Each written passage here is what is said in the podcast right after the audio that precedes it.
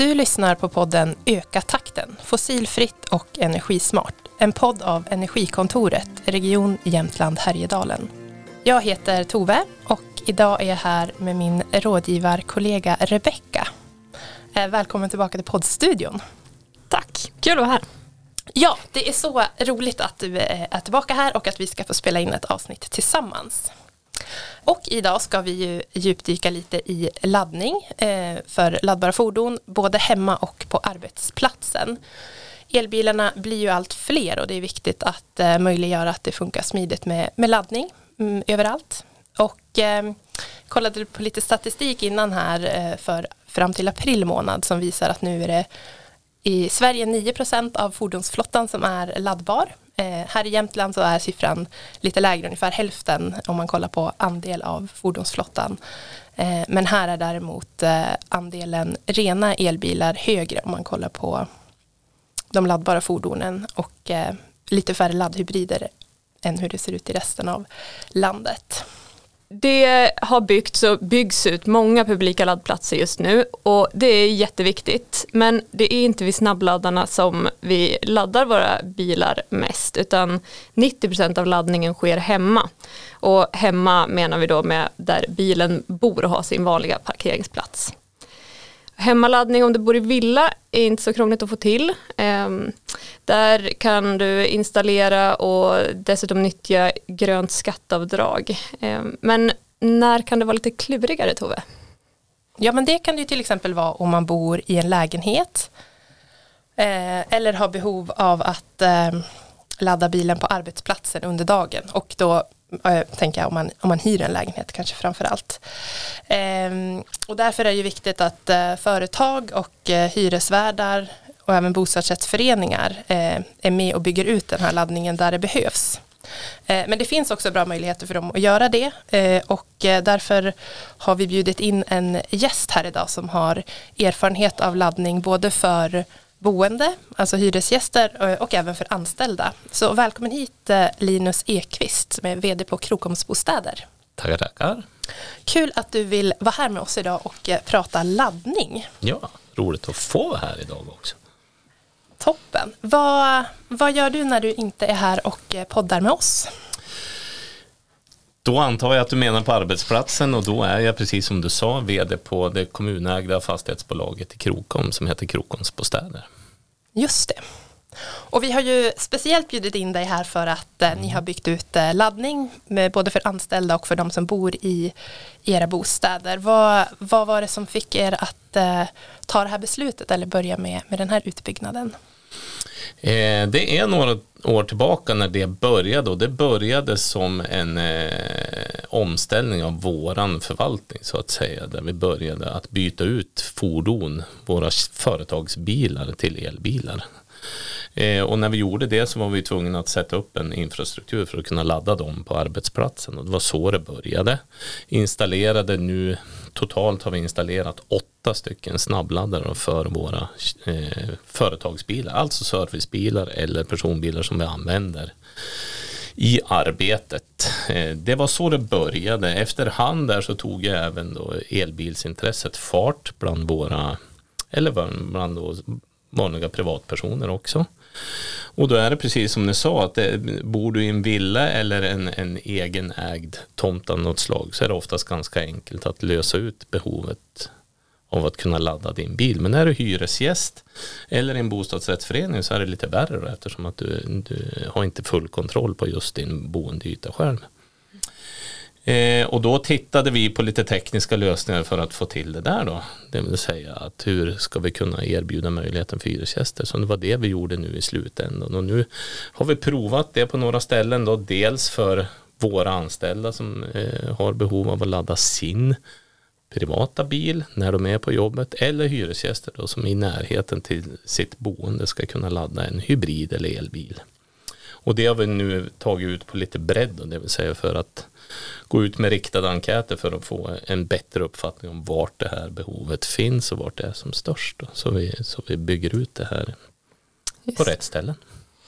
Och där hade ni också gått ut med eh, ett pressmeddelande kring det här eh, med intresseanmälan för att eh, få laddare till sin bostad. Ja. Hur många är det som har fått laddare till bostaden idag och hur många är det som, som inte har det? Idag så är det väl, det är inte jättemånga än så länge. Jag tror det är 12 stycken platser vi har hittills, men det tickar ju på. Det kommer in intresseanmälningar eh, titt som tätt och dagligen. Och det är lite olika aspekter. En del som har panik, det vill säga jag får min elbil nästa vecka. Hur ska jag göra? Och det är en del som är väldigt långsiktiga, det vill säga jag planerar att beställa så jag vill först titta att jag löser ut min, mina behov där jag bor också. Så det är hela skalan och det är precis det vi ville få till så vi kan lägga en bra kartläggning på det här också. Mm. Hur ser det ut eh, idag? För du nämnde att ni hade åtta snabbladdare som var för era interna fordon. Ja, eh, precis. Och hur mycket laddning finns det för hyresgästerna? Ja, det är lite olika. Vi gjorde det här. Först så provade vi att göra det för att egentligen se hur intresset var stort och då gjorde vi det i Krokom i det största bostadsområdet i beståndet vi har där. Där installerade vi tio stycken platser. Och det vi, där var en lösning som vi gjorde egentligen för att eh, kunna erbjuda det här men i, i befintlig infrastruktur. En lösning där man bygger om befintliga motorvärmarplatser till laddplatser för elbilar. Eh, mest för att kunna erbjuda när behovet dyker upp. Så det är så långt vi har kommit nu. Då. Hur funkar det med betalning för de här platserna? Det är lite olika. De här eh, vi löste då antar jag att du menar de platser som är publika, alltså internt hos oss har vi ingen debitering på de företagsbilar som är. Men för de vi erbjuder för våra hyresgäster så är det ju att i grunden så hyr du din parkeringsplats. Du betalar för den och så betalar du för den el du förbrukar. Då. Så, eh, så det, det, är en debiteringslösning i kombination med att du hyr din plats och betalar för den el du förbrukar. Just det, så då är det också om det finns tio laddplatser idag tänker jag att det är tio hyresgäster som har möjlighet att, att ladda. Ja, så precis. De är liksom personliga På de här platserna som har gjort nu så har vi valt den lösningen. Det finns ju andra lösningar. Våra tekniska system stödjer för det också. Till exempel att man skulle kunna ha en plats i boendeområdet som vem som helst kan komma in och ladda på. Men då är det en annan debiteringslösning som vi får titta på. Där är vi inte än. Det första steget vi har gjort är att vi har försett egentligen klassiska vanliga boendeparkeringar som du hyr men med möjligheten att ladda dem istället. Mm. Är det alla tio uthyrda? Av? Nej, för närvarande är de inte det. Så det finns fortfarande möjlighet om man har det i, i Krokom då, i alla fall. Mm. Men nu har vi pratat snabbladdare för era tjänstefordon och laddning för de boende. Mm. Men ni har också laddning för anställdas bilar. Ja, det stämmer. Eh, vi har inte jättemånga som har elbil just nu. Så där har vi två stycken platser som är möjligt för anställda. Men principen är samma där, att man hyr sin parkeringsplats. Det gör alla idag också. Enda skillnaden är att två stycken av platserna är möjlighet att ladda elbilen. Så det är den lösningen vi har. Just det. Är det samma upplägg med har ni konverterat motorvärmarstolpar där också? Eller ja, det är, samma, precis. Det är mm. samma modell där. Och det är ju underförstått så de här lösningarna är ju inte snabbladdare. De laddar betydligt mer senare. Men det är också, de, de ska ju uppfylla ett annat behov. Ofta de här som ligger i boendeparkeringen, de laddas ju eh, över natten när man kommer hem och då är det fullt tillräckligt. Och för våran del så är det den anställda har man ju generellt åtta timmar att ladda bilen på där också. Mm. Så det funkar bra. Det behöver inte vara snabbladdning för de platserna. Nej. Och de här laddarna som ni har byggt eh, som är snabbladdare, vad är det för effekt? Oj, eh, tog du mig på sängen här. Ah. Det, det, har jag inte i huvudet men, men eh, det, är det är ju inte långt ifrån några boosters exploderande här. För det är ju samma sak där egentligen. De ska ju täcka behovet som du använder under dagen. Ah. Så står ju de bilarna på laddning under natten när, när vi inte arbetar. Men, men de är snabbare än, än motorvärmestolparna. Just det. Men då är det ändå AC laddning, alltså inte man brukar ju annars prata om snabbladdning från 50 kW och uppåt utan det är mer att det är en, en lite snabbare Ja, så kan man säga, absolut. Normal laddning. Mm. Ja. Just det.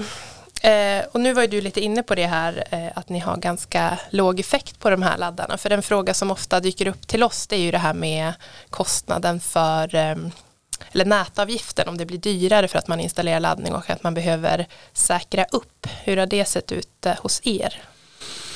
Nej men så är det ju, alltså ska man bero alldeles på vilken kaliber du vill ha på laddningen då. Men det, det som har varit drivande för oss är ju att på kort tid i befintlig infrastruktur kunna erbjuda laddmöjlighet. Och då finns det en lösning som vi har valt. Det är ju att man, bef- mm, man behöver inte göra några infrastrukturella förändringar. Behöver inte dra någon ny matning till de här platserna eller något liknande. Men däremot så måste de ju förses med lite säkerhetsutrustning i form av eh, lastbalanserare till exempel eftersom det blir en kombination av motorvärmarladdning och elbilsladdare beroende på hur de där matas ut till parkeringsplatsen. Så sådana lösningar måste, man, eh, måste vi installera.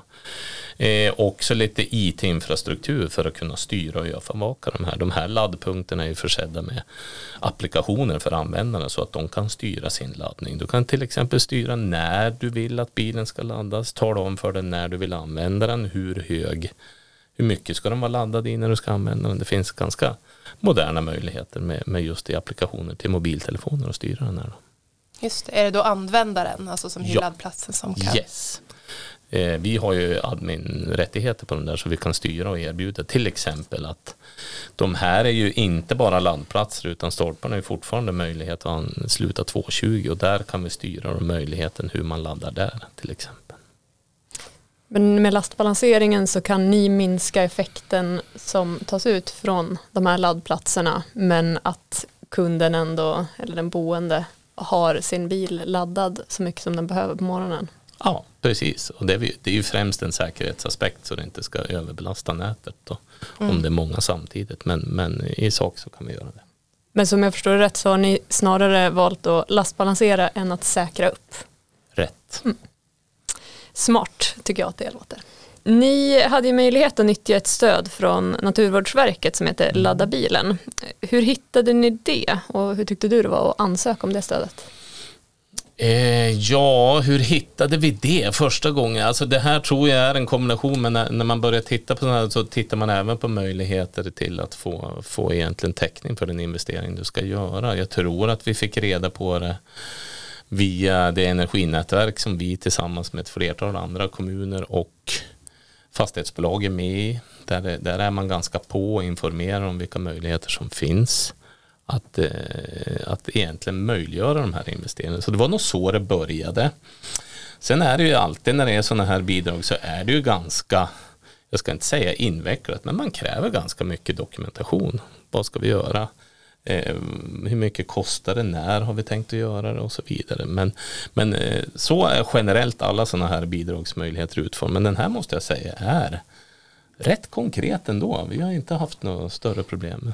Det är jag som har gjort de här ansökningarna så att det, det har gått ganska bra. Det är Ja. inte jätte, jättesvårt. Nej, det låter ju bra. Eh, Och det här stödet som vi pratar om nu heter Ladda bilen och det eh, ansöker man om hos Naturvårdsverket och då kan man få upp till 50 procent av investeringskostnaden för att installera laddning för både boende men också på arbetsplatsen för, för anställda eller för tjänstebilar. Ni har ju byggt ut lite olika typer av laddning och så här och ehm, har du några tips till någon annan som går i tankarna här och ska börja fundera på att installera. Ja, alltså vi har ju lärt oss under resans gång här också, till exempel bidragsansökan. Det lärde vi oss ganska mycket första gången, att man ska göra det verkligen i tågordning, det vill säga ta in offerter på vad kommer det här att kosta, ansöka redan då, när du får beslutet kan du gå vidare och när du är färdig så talar du om att du är klar. Då går den där bidragsdelen ganska smidigt till, så det är väl ett tips. Ett annat tips är ju verkligen att vara planera här i rätt ordning. Det, det kan vi se att våra hyresgäster är ganska lockad av bilmodeller som kommer, att man tar det beslutet först och man tänker inte på de här delarna sen och då står man lite handfallen och då kan det bli lite bråttom och det kan vi se nu att det är lite svårt med leveranstider på sån här utrustning också. Det är väl ett tecken på att väldigt många är intresserade av det just nu. Så då är det lite långa leveranstider på den. Så det är väl, det är väl tipset jag kan ge också att, att vara ute i god tid och tänka hela kedjan. När du köper en vanlig gammal klassisk bil så tänker du inte på det, att undra vart jag ska tanka någonstans. Men den aspekten måste man ha med sig i det här. Och det sista tipset är väl att det går väldigt fort i den här utvecklingen nu. Bara sen vi började med det här har det ju kommit en mängd olika lösningar just på, på det här området när vi pratar bygga om befintlig infrastruktur till möjlighet att ladda bilen. För vi har ju en hel del infrastruktur för när vi pratar motorvärmare till exempel som går att använda och där går det väldigt fort nu skulle jag säga. Mm. Är det någonting som ni så här i efterhand, eller nu har ni precis börjat, men efter de investering, investeringar som ni har gjort kan se att det här borde vi ha tänkt på eller något som ni känner att ja, men det här var riktigt bra att vi tänkte på faktiskt för att det kunde ha gått snett? Ja, det är det säkert. Det är väl inget jag kan komma på rak arm nu, men, men faktiskt så, så eh, gjorde vi tyvärr lite som jag sa att, att eh, man bör göra också. Vi beställde ju våra elbilar innan vi hade infrastrukturen klar, så den blev lite bråttom de första installationerna vi gjorde. Mm.